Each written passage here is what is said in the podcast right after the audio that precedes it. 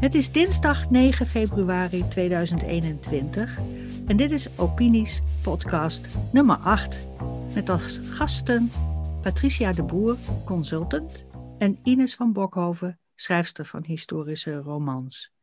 Aanleiding voor dit gesprek zijn enkele columns over de manier waarop angst deze dagen wordt ingezet om doelen te bereiken.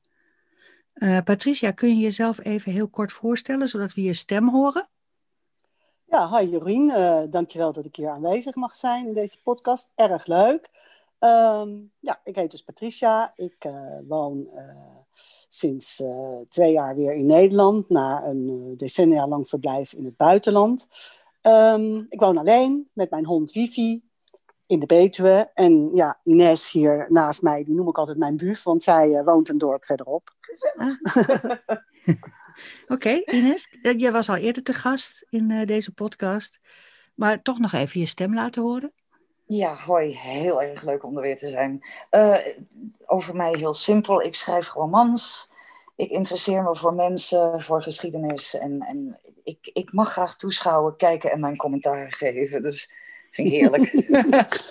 de overeenkomst is eigenlijk dat we ons graag overal mee bemoeien. Oké. Okay. ja, nou, jullie krijgen alle kans vandaag. Oké. Okay. Uh, eh, Patricia, jij schreef geloof ik in de, een van jouw columns... mensen manipuleren is niet moeilijk. dat is een beetje in het algemeen. En angst kan daarbij werken, maar hoe, hoe gaat dat? Hoe, wat, wat moet ik dan aan denken? Ja, en als je uh, angst veroorzaakt bij mensen, dan hebben ze eigenlijk uh, in principe, uh, hè, onderzoek heeft dat uitgewezen, twee reacties. Vechten of vluchten. Dat is een heel instinctief iets. Mm -hmm. Dus met het angst aanjagen wordt er, ja, eigenlijk worden je, je meest basale gevoelens aangedreven. Ja, psychologisch onderzoek heeft aangetoond dat, ja, grosso modo 70 à 80 procent ja, voor, een, voor een vluchtreactie kiest.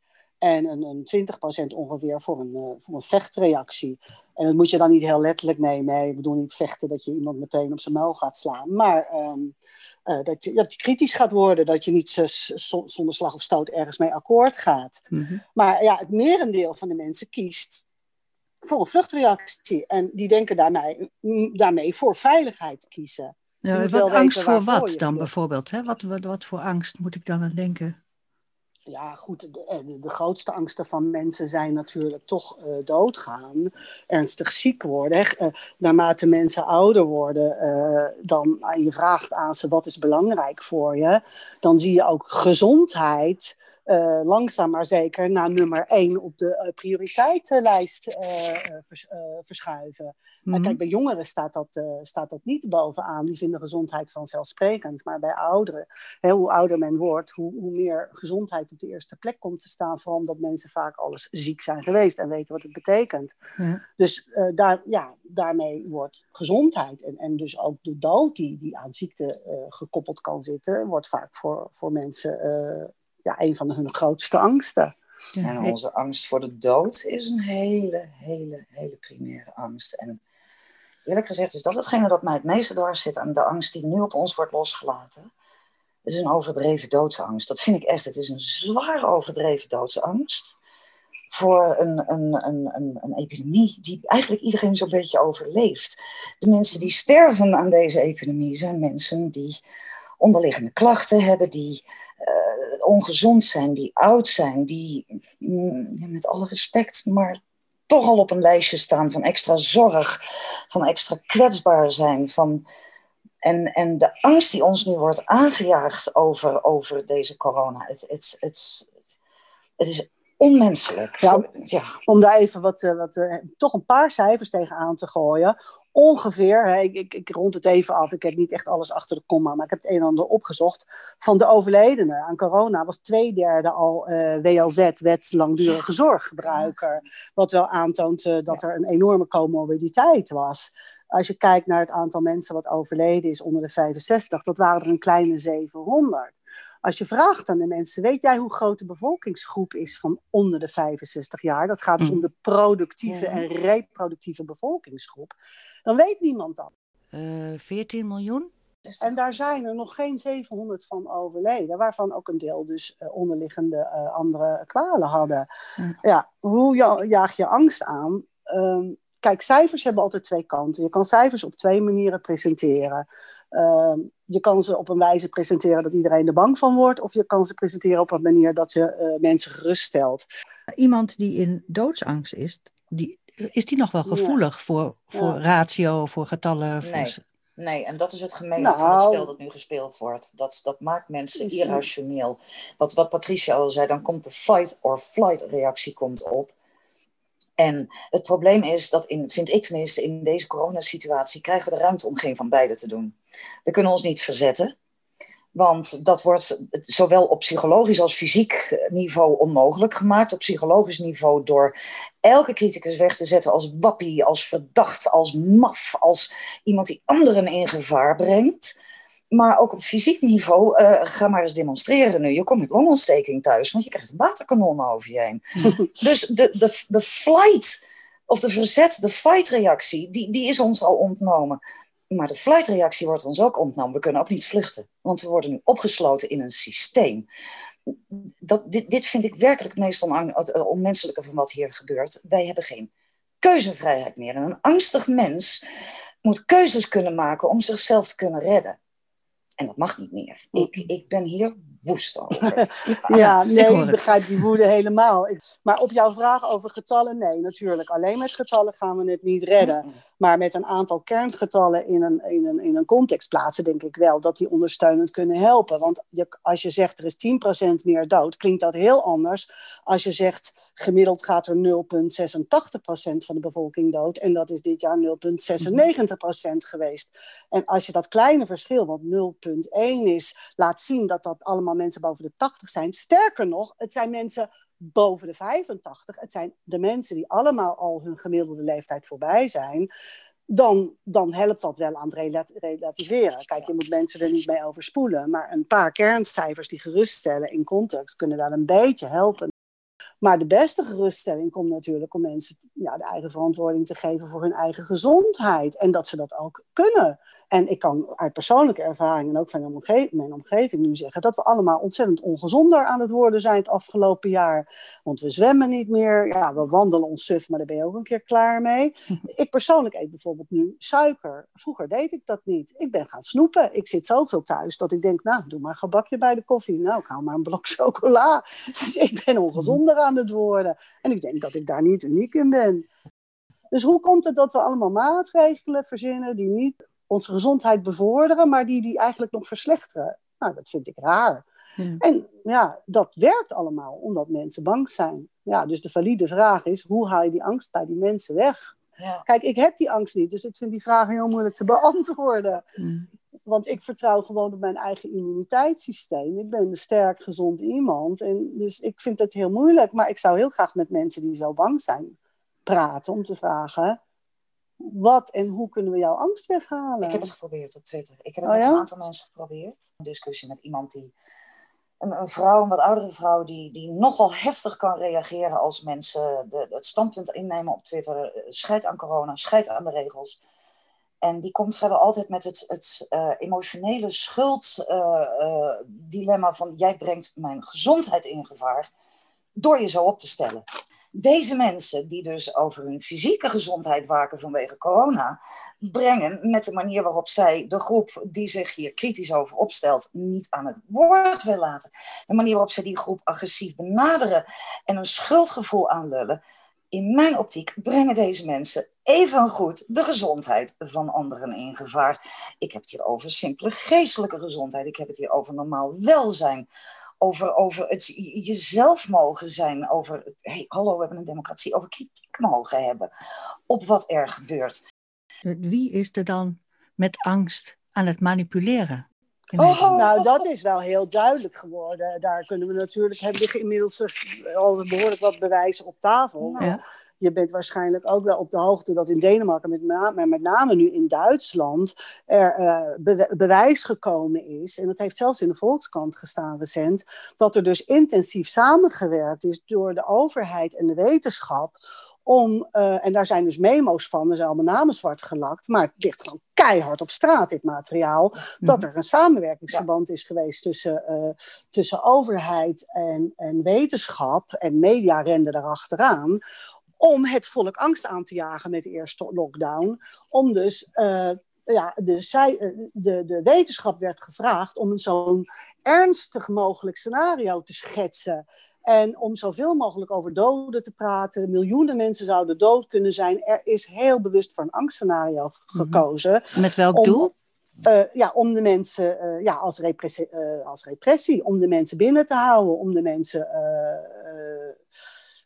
in huis te houden waarschijnlijk, om de mensen eh, je, ja, kwade geest te kunnen zeggen, om ze kneedbaar misschien te maken, ergens Mhm, voor, zullen mhm. mensen zeggen. Ik wil niet helemaal meteen dat pad oplopen, maar gezien de tijd dat het nu duurt, en we hebben het nu over een jaar, denk ik dat je rustig in de richting mag gaan denken van eh, het is niet alleen om bij die eerste eh, onzekerheden over deze ziekte de mensen binnen te houden, wat ik me in eerste reactie nog wel kan voorstellen, heel Mhm. kort. En dan kan je inderdaad in de richting gaan denken van, van, van massacontrole, van, van, van, eh, van, van, eh, van kneedbaarheid. eh, van je verantwoording willen ontlopen, dat je de zorg uitgekleed hebt en de IC-bedden niet op orde hebt en ze ook niet eens op orde maakt. En Maar dat wat is, de rol van de, niet. wat is de rol van, van de wetenschap daar dan in? Je hebt gezegd van overheid en wetenschap hebben samengewerkt om eh In angst aan te Duitsland. wakkeren. Ja. Nou ja, wat, het, wat, wat, wat de rol daarin is, wat het ernstige is, is dat de wetenschap dus zijn principes losgelaten heeft. Ja. En, en dat hij daaraan mee is gaan doen. Ja. Kijk, dat, dat die overheid dat vroeg, dat is, vind ik al dramatisch. En als je kijkt naar het wetboek van strafrecht, artikel 83a, dan, eh, dan kan je er ook al vragen bij stellen. Want daar staat Wat is in dat? dat als, Mhm. nou, in, in eh, 83a staat als mensen, als een volk angst aangejaagd wordt, eh, bewust, dat dat als terroristische daad gezien kan worden. Eh, dus dat een overheid dat vraagt, dat is al heel dubieus. Dat is volgens mij al strafbaar. Maar eh, ik ben geen advocaat en niet juridisch geschoold. Maar dat een wetenschap alles waar ze voor staat loslaat en daarmee gaat, aan gaat werken, ja, dat, dat is natuurlijk bijna nog ernstiger. Want de wetenschap wordt verondersteld onafhankelijk te zijn en, En puur empirisch. empirisch, falsifieerbaar, nou, noem het allemaal op. En dit is geen empirische wetenschap, dit is emotionele wetenschap. Ja. Dit is angstwetenschap, met alle respect. Maar de middeleeuwers deden nog empirischer aan wetenschap. Dan hoe op dit moment met corona wordt omgegaan door de wetenschap. Het is niet, het is niet dat de cijfers niet kloppen. Het is hoe je de cijfers brengt. Zoals ik een tijdje Ja. terug ook al op Twitter zei, als wij elke dag in onze kranten en media zouden bijhouden hoeveel bijna ongelukken en dodelijke ongelukken en, en gebroken benen er in het verkeer ontstaan Ja. als wij dat net zo fanatiek zouden bijhouden en we zouden daar hetzelfde angstprogramma op loslaten, dan voors- voorspel ik je dat binnen een jaar een Nederlandse politieke partij opstaat die zich gaat hardmaken voor het verbieden van al het verkeer, behalve lopen. Mhm. Want dat is het minst gevaarlijke dat er bestaat. Ja, Het is niet dat de cijfers niet kloppen, het is de context waar de cijfers in worden gezet. nou, Mhm. oh, dus ze laten heel veel context weg, juist. Hè? juist. Want als je, als je kijkt dat er, er zijn nu eh 42.000 eh, ziekenhuisopnamen eh, door en met corona geweest. Dat laten ze ook eh, weg uit de statistieken. Het is allemaal wel te vinden, want op het CBS, ook het RIVM, het is niet zo dat ze liegen. Als Nee. je drie dagen achter de cijfers gaat zitten, wat ik gedaan heb, Mhm. dan, dan kom je er op een gegeven moment wel achter. Nou, dan moet je al talent hebben om met cijfers om te kunnen gaan en cijfers te weten combineren. En je moet drie dagen de tijd hebben. En dat elke maand weer, want het, het verandert elke, drie- elke maand, eh, hè, want het evolueert. Ja, dat doen mensen niet. Ik vind het de verantwoording van, eh, van ja, gezondheidsbeleid om, om mensen die cijfers te presenteren waar ze gezonder van worden. Mhm. En het beleid is nu dat ze de cijfers eh, presenteren op een manier dat de mensen er zieker van worden. Want van angst word je ziek. Het is ook heel opvallend als ik naar mijn privéomgeving kijk het afgelopen jaar. Ik verkeer in een omgeving die eh, vrij internationale gemeenschap, die over meerdere landen heen wordt, die woont, die internationaal werkt. In de zomer zit ik veel in Frankrijk, daar wordt veel uit eten gegaan, gedineerd, veel feestjes. Eh, dit zijn mensen die komen met ontzettend veel andere mensen in eh, aanraking over landsgrenzen heen. Mhm. Ehm, ehm, het is heel opvallend dat in die kringen geen corona voorkomt. Eh. Er zijn er één of twee die een griepje gehad hebben. Eén heeft zich laten testen en had inderdaad corona. Dat is een dame die ik ken op een makelaarskantoor in Nice. En die zegt, ja, ik heb hem maar laten testen, want het moest van het kantoor. Maar ik dacht dat het griepje was. Ik wil het niet bagatelliseren. Het, je, je kan er echt heel erg ziek van zijn. En je, je kan er ook dood aan gaan. Het is niet zo dat het niet bestaat. Maar ik vind het opvallend. En dat is iets wat ik een aantal maanden geleden niet durfde te zeggen, hardop uit te spreken. Maar ik ben nu verder en ik durf het nu wel uit te spreken. Dat ik omgevingen signaleer waar dit dus allemaal niet voorkomt. Terwijl in bange omgevingen lijkt corona meer voor te komen. Hoe kan dat? Ik durf inmiddels die vraag te stellen. Een paar maanden geleden durfde ik het niet eens. Want ik heb ook een soort van angst. Angst om me uit te spreken, angst voor censuur. Uh, terwijl ik dat over het algemeen in de vorm van kritische vragen doe, ben ik ook heel terughoudend geweest met sommige vragen. Is, is, dat ook de rol geweest van, van de, het manipuleren met angst om te zorgen dat we zwijgen? Ja, ja absoluut. Het heeft op mij effect gehad. Oh, niet alleen op jou. Niet alleen op jou. Echt waar. Want het, het, de enige angst die op dit moment legitiem is, is de angst voor corona. Zodra jij zegt, ik ben bang voor het beleid. Ik ben bang voor de, de hysterie onder mensen. Ik ben bang voor de manier waarop mensen bang worden gemaakt. Dan ben jij een wappie. En dan mhm. ben jij blijkbaar degene waar iedereen bang voor moet gaan zitten zijn. Er wordt alleen maar gekeken naar de meest concrete fysieke zaken. Zoals inderdaad van corona krijg je dus problemen met je longen, met je ademhalingssysteem, je krijgt koorts. Maar in een wereld waar mensen geen keuzemogelijkheden hebben, ontstaan hele andere ziektebeelden die niet noodzakelijk fysiek van aard zijn. Daar ontstaan depressies, daar ontstaan angststoornissen, daar ontstaan sociale stoornissen, daar ontstaan relatieproblemen. Nou, noem het allemaal maar op. Er is totaal geen aandacht voor het feit dat critici daar dus maar op blijven wijzen. Je mag maar voor één ding bang zijn op dit moment. En dat is corona.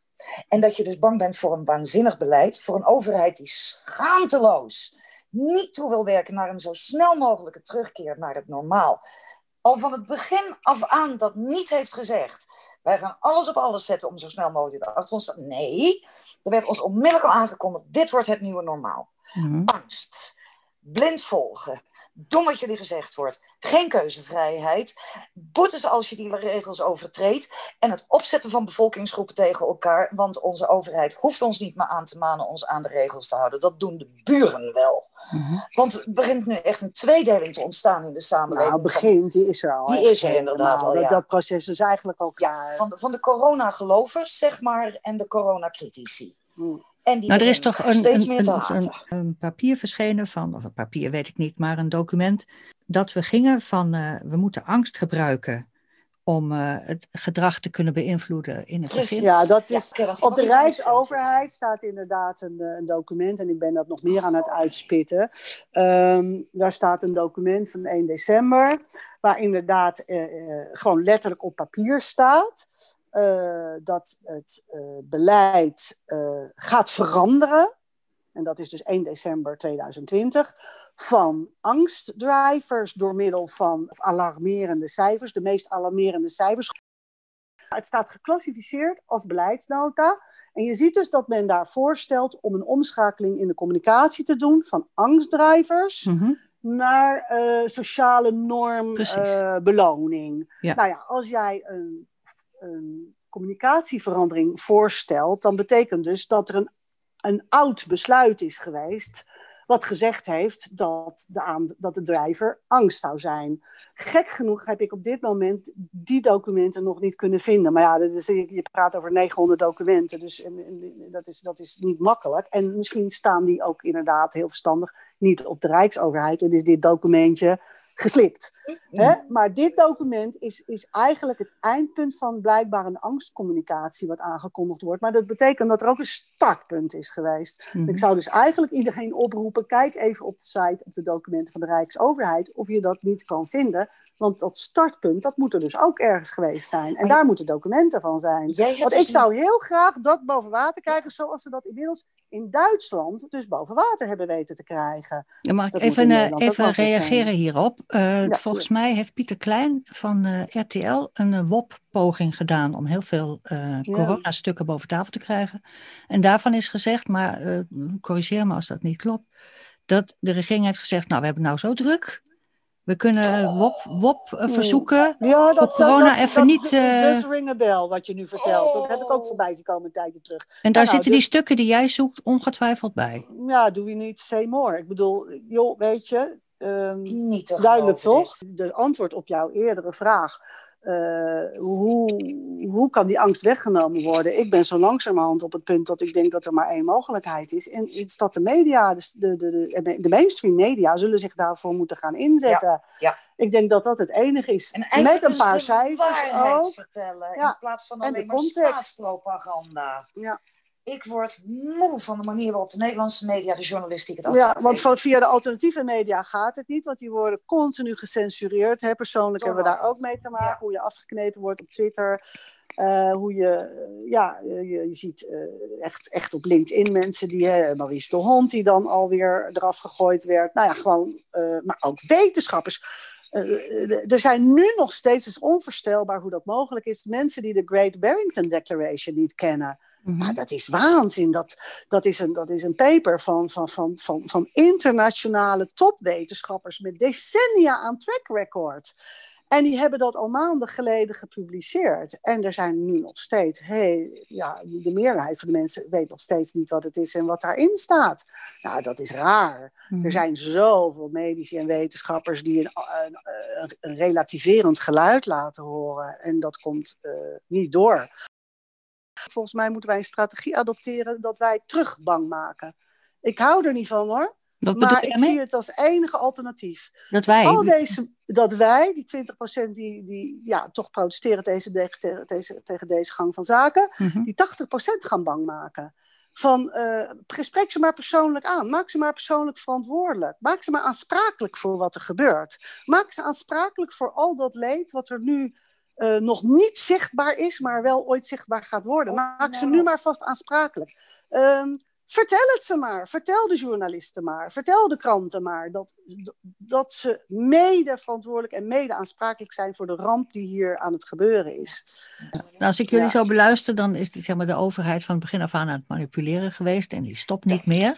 En, en hoe hadden ze dat anders moeten doen? Want er was wel een virus en het was ook gevaarlijk, want dat wisten we nog niet in het begin natuurlijk. Insteek. Er is meteen ingestoken met een negatieve insteek. Ik, ik, ik, die allereerste speech van Rutte toen op tv, waar die naar de hand van heeft gezegd dat hij heel veel dingen daar niet gezegd zou hebben, terwijl iedereen het op YouTube na kan kijken. Die eerste speech waarin hij het had over groepsimmuniteit.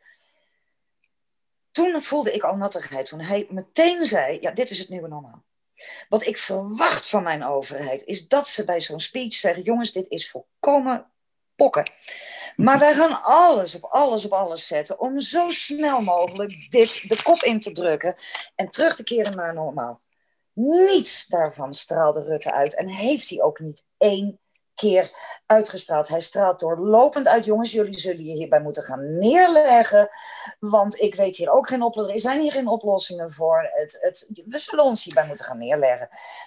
Ik vind dat niet de houding die ik nou, gezien Maar de, als je kijkt, de vraag hoe hadden ze dat wel moeten doen, hè, wat ze vraagt, dan denk ik dat er uh, veel minder de, de overheid zich op had moeten werpen als iemand die dit allemaal ja. wel uh, zou kunnen oplossen, regelen. Dat ze uh, de overheid als beschermer, de overheid als therapeut, uh, waarbij wij allemaal een beetje masochistisch uh, naar omhoog kijken en allerlei vernederingen ondergaan in ruil voor de zogenaamde veiligheid die zij dan bieden. Nee, ze hadden veel meer uh, op eigen verantwoording moeten wijzen, de, de, risico's inderdaad moeten inschatten en veel selectiever beleid. Het was al heel snel duidelijk dat, er, dat het om een groep kwetsbaren ging. En ze, ze hadden daar veel meer in, intelligent onderscheid tussen moeten maken. En want nu is uiteindelijk iedereen beschadigd. En er gaan waarschijnlijk meer mensen dood nu, van ja. oudere mensen ja. ook, aan eenzaamheid en verveling dan aan corona.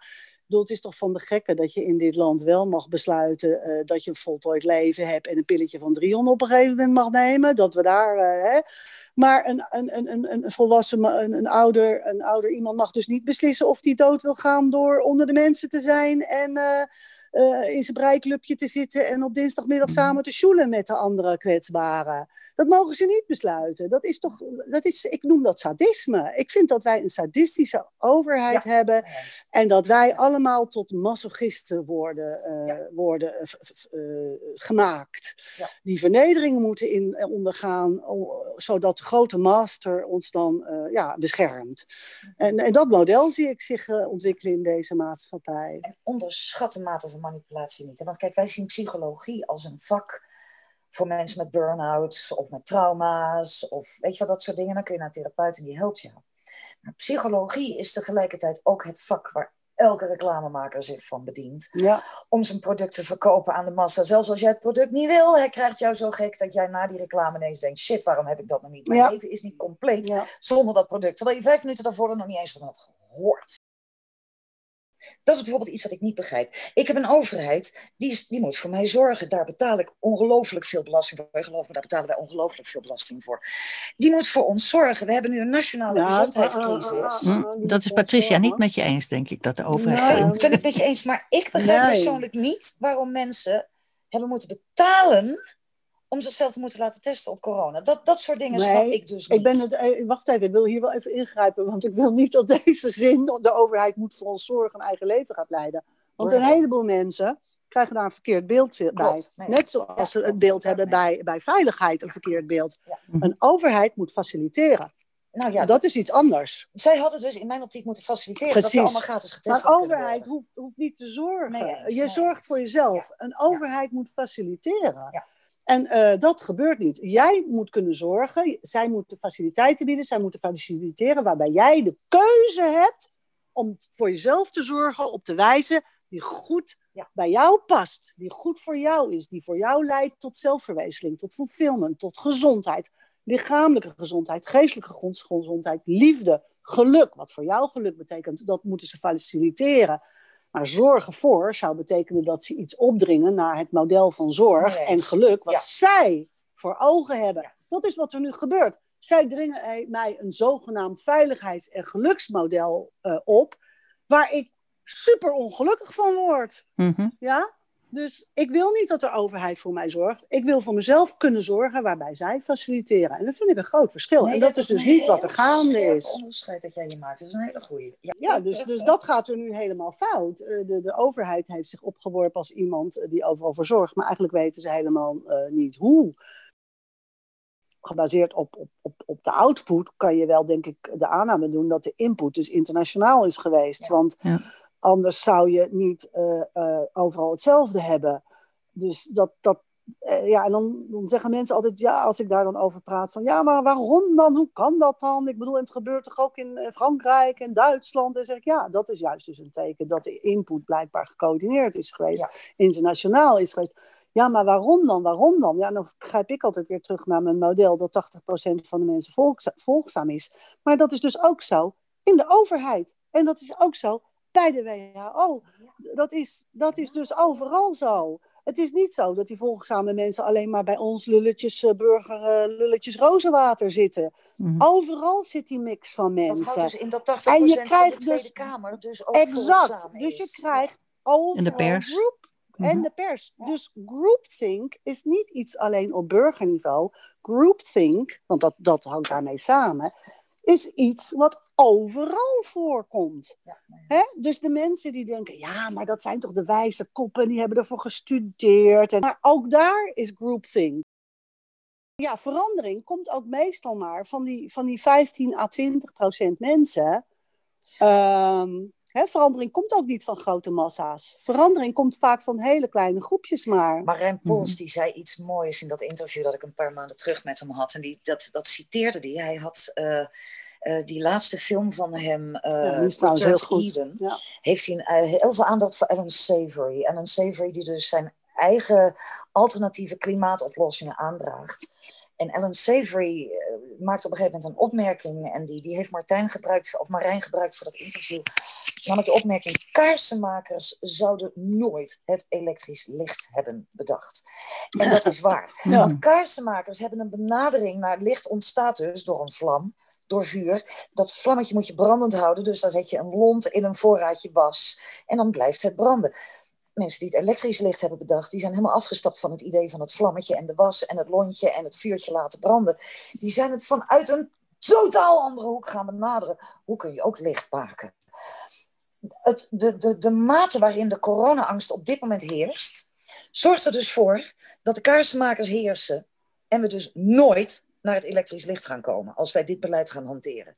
Nooit. Want we zijn cirkeltjes aan het draaien Ja. in dezelfde materie de hele tijd. En we zijn binnen die materie een oplossing aan het zoeken. Terwijl wat we moeten doen is de deuren opengooien en eens gaan luisteren naar de mensen die met alternatieven komen. Die met andere onderzoeksresultaten komen. Die met andere ideeën en meningen komen. En wellicht dat we daar een oplossing vinden. Dat het Nederlandse volk op dit moment geestelijk wordt mishandeld Ja. door een groep mensen die weigert zichzelf open te stellen voor andere geluiden, Nou, voor kritiek, voor de andere angsten. Want ik ben niet bang voor corona. Ik ben absoluut niet bang voor corona. Ik ben bang voor dit beleid. Maar mijn angst is alleen maar goed om geridiculiseerd te worden, om verdacht gemaakt te worden, om in een hoek weggezet Ja, te worden en het zwijgen op te leggen. Ik zat in een appgroep met allemaal mensen die allemaal van die corona-hysterici en fanatici waren. Daar ben ik op een gegeven moment maar uitgegaan. Mhm. Maar als je zag wat daar allemaal gezegd werd over mensen die een tegengeluid gaven. En dat was al vorig jaar voorjaar. Ik ben daar zo ontzettend van geschrokken. Want ik werd echt met mijn neus op de feiten gedrukt, inderdaad. Hoe makkelijk het is om mensen te manipuleren. En wat je dus kreeg toen al, en dat was eerst binnen appgroepen en later op Twitter, de, die vlek wordt steeds, werd steeds groter. Ehm, dat je dus inderdaad als idioot weggezet wordt. En eh, als je. Ook gevaarlijk en Ja, ego, egoïstisch, egocentrisch. Nou ja, het werd steeds erger. Maar je was een, een, zo langzamerhand aan het Ja. worden. Die processen die wij in het verleden eh, heel veel gezien hebben, die zie je nu dus weer. En eh, wat, wat, wat, wat ik zo onbegrijpelijk vind, als je, als, je, als je dat probeert te laten zien aan mensen, dan beginnen ze meteen te zeggen: Oh, oh, oh, dus je denkt dat. eh, je denkt dat eh, binnenkort de Joden weer vergast worden en zo. En dan denk ik, what the fuck, wat is dat nou voor domme opmerking? Ik zeg, nee, ik heb het niet over dezelfde, ik, over dezelfde einddoelen.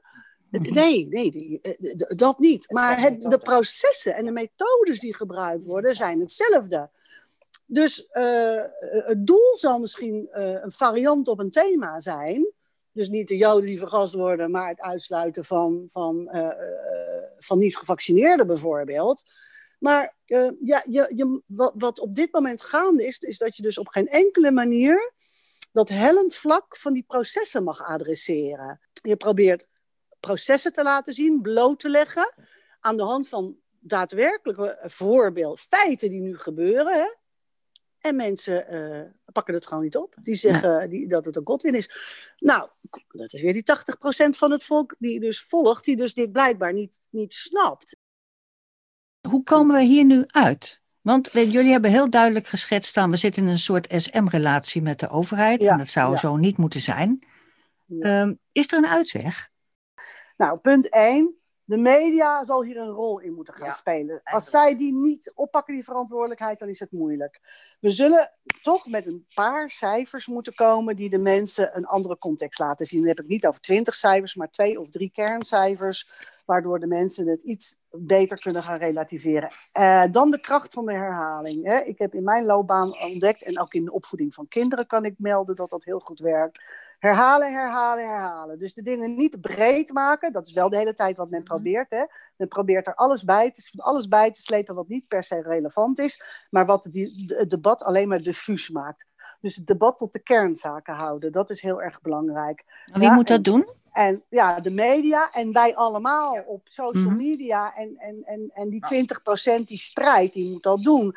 Maar die 20% die strijd, die is heel verdeeld. Hè? Er zit, we springen ook niet op, op de bandwagon om het gezamenlijk te doen. Dus er zal meer samenwerking komen moeten. eh, de, de, de media zal meer mee moeten doen. We zullen cijfers moeten eh, eh, presenteren die, die geruststellender zijn. En ik voer al een tijdje de hashtag Change from, comes from disobedience. Verandering komt van ongehoorzaamheid. Er is nog nooit verandering gekomen door volgzaamheid. Het is nog nooit gebeurd. Verandering komt van ongehoorzaamheid.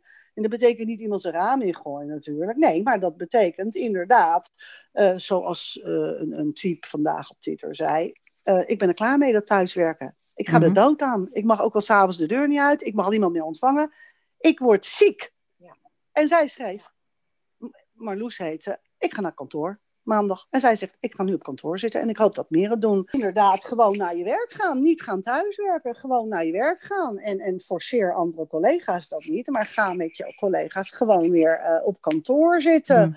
Ehm, Ga weer eh, normaal doen. Ga weer normaal doen. Uh, vliegt niemand om zijn nek die dat niet wil. Maar ja, ik ben gewoon blijven omhelzen met de mensen die dat willen.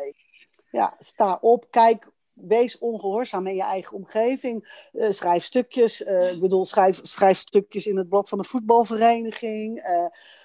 doe het niet als uitlaatklep, maar ja, probeer, probeer te bekijken wat is jouw circle of influence. Hè? Jouw circle of influence benut die. En ga niet het debat aan met iemand die zijn mondkapje op wil houden. Nee, laat hem dat gewoon ophouden.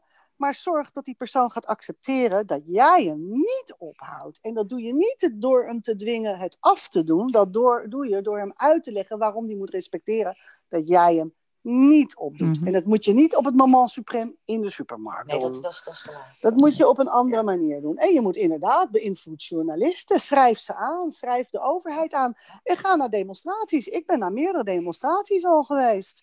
Laat je zien. Maak je toch zichtbaar. Hè? Achter je toetsenbord blijf je niet zichtbaar. En maak je zichtbaar. Ja, dat doe je natuurlijk toch door te stemmen. Ja, Dan op het gevaar af zichtbaar. dat je als, als wappie of eh, nou ja, noem nog een paar van die. nou. Wat moet je daarmee doen, vind Ik jij? ben queen eh, wappie. Ik ben een hartstikke leuke ja, wat- wappie. Ja, maar wat doe je daarmee inderdaad? Het feit dat je weg wordt gezet met wappie, als wappie. Want het probleem Boven is- staan. Ja, dat kun je wel doen, maar je bereikt er niemand mee. Want je kunt dus met feiten komen, je bent een wappie. Je kunt met argumenten komen, je bent een wappie. Je kan er je emoties tegen aangooien, je bent een wappie. Nou, Het maakt niet uit waar je mee komt, je bent een wappie. Ik, wat, wat ik vanmorgen heb ingezet, en dat was voor mij de eerste keer, en dat ga ik de komende tijd nog een stuk meer doen, is mensen die mij benaderen met het schuldgevoel, als jij coronakritisch bent, dan breng jij mijn gezondheid in gevaar. Die ga ik net zo hard terugspelen. Nou, als jij meegaat met deze corona-hype, breng jij mijn gezondheid in gevaar, mijn welzijn, mijn geestelijk ervaren, mijn psychologische opmaak, mijn depressies wakker jij aan, mijn, mijn onveiligheidsgevoel maak jij groter. Jij ontkent mijn bestaansrecht. Als de critici Mm. dan zo worden bestookt met schuldgevoel, dan moeten de critici misschien maar eens wat schuldgevoel gaan teruglanceren. Dat Is dat jouw echt. advies ook aan eh, de Nou mensen? ja, die- onderhand wel. Ik denk dat je zult moeten gaan duidelijk maken aan al die mensen die het alsmaar hebben over corona, corona, corona. Dat depressie, depressie, depressie dus ook echt een verschrikkelijke nachtmerrie is. Echt waar. En dat er echt meer in de wereld is waar je aan kapot kan gaan dan alleen corona. en naar media en wetenschap. Dus niet zozeer niet op de man of de vrouw, maar meer naar de instituten. Maak ze bang. Maak ze terug bang. Ja. Die instituten maak ik bang terug. Ik maak ze aan het twijfelen. Sta jij nog wel aan de goede kant van de streep? Mhm. Weet je hoe het toen der tijd, hoe lang het. we- hè? De NS, die inderdaad de treinen liet rijden, die stond gewoon aan de verkeerde kant van de streep. Wil je de nieuwe NS zijn? Jij hoort dus over 15 à 20 jaar bij de groep mensen die zich alweer de ogen uit de kop loopt te schalen Ja. met de vraag: hoe hebben wij dit kunnen doen? Ja, Hoe hebben wij ons zo ver kunnen laten Ja, bespelen en dat we zo ver mee zijn gegaan? In alle eerlijkheid verwacht ik dat het allemaal eerst nog veel erger gaat worden voordat wij weer kunnen spreken over hoop en glorend licht aan de horizon. Dat meen ik. Ja, ik heb ook Mhm. weinig hoop, maar ik denk wat het eindstation gaat zijn, is natuurlijk dat men toch wel eh, ziet dat, er, dat, er een, dat, dat, dat het zo niet kan blijven. Hè? Dus, dus eh, ik denk dat er heel veel manipulatie komt om, om hier een beetje relatief elegant eh, uit te kunnen. En dat, dat, dat gaat dan te maken hebben met elegant. Dus dat gaat eh, ten eerste dan om gezichtsverlies en verantwoordelijkheden en aansprakelijkheid te vermijden. Dus voor, voor, voor, de, voor de doeners en de veroorzakers elegant. Ik denk dat ze daarmee bezig zijn om zo e- elegant mogelijk eh, daaruit te kunnen stappen. En eh, ja, dat gaat nog een hele tijd duren, totdat dat dan een beetje zo onopvallend... Hè? Want we, we, we worden als kikkers in die pan heel langzaam gekookt, waardoor we het niet merken. Maar straks laten ze dat water dus ook weer heel langzaam afkoelen, dat we dat ook weer niet helemaal merken. En aan het eind van de rit heeft 80% nauwelijks begrepen waar ze allemaal onderdeel van Juist. zijn geweest. En ehm, dan, eh, en dan denk ik dat we in iets komen waarvan die 80% weer denkt eh, dat het terug naar normaal is, maar waarvan 20% weer denkt: fuck, dit is helemaal niet terug naar normaal. Dit lijkt wel normaal, maar dit is weg, dit is kwijt, dit hellend vlak, daar zitten, zaten we eerst daar en nu zitten we daar Mhm. onderaan. Eh, dit is beschadigd. We hebben een generatie die, eh, die niet meer weerbaar is, want die hebben we zoveel ontnomen dat ze dus niet meer normaal eh, op kunnen groeien. Dus ja, wij, wij, wij, wij zijn dingen kwijtgeraakt, nu al, die wij nu nog niet zien, maar straks zullen zien. En mijn hoop, mijn hoop is dat er in ieder geval nog zoveel mogelijk terugkomt en zo weinig mogelijk verloren gaat. Het was heel uh, goed om te horen hoe jullie erover denken. En uh, we hopen elkaar binnenkort weer eens te spreken. Bedankt. Jorien, jij ook heel hartelijk bedankt voor deze gelegenheid. Ja, super bedankt. Het was hartstikke leuk om te doen. Hoi, Goed hoi. zo. Dag. Hoi, hoi. Dit was de podcast van Opiniescom. Opinies met een Z. Voor de nieuwste bijdragen en columns over politiek en maatschappij in binnen- en buitenland. Het is helemaal gratis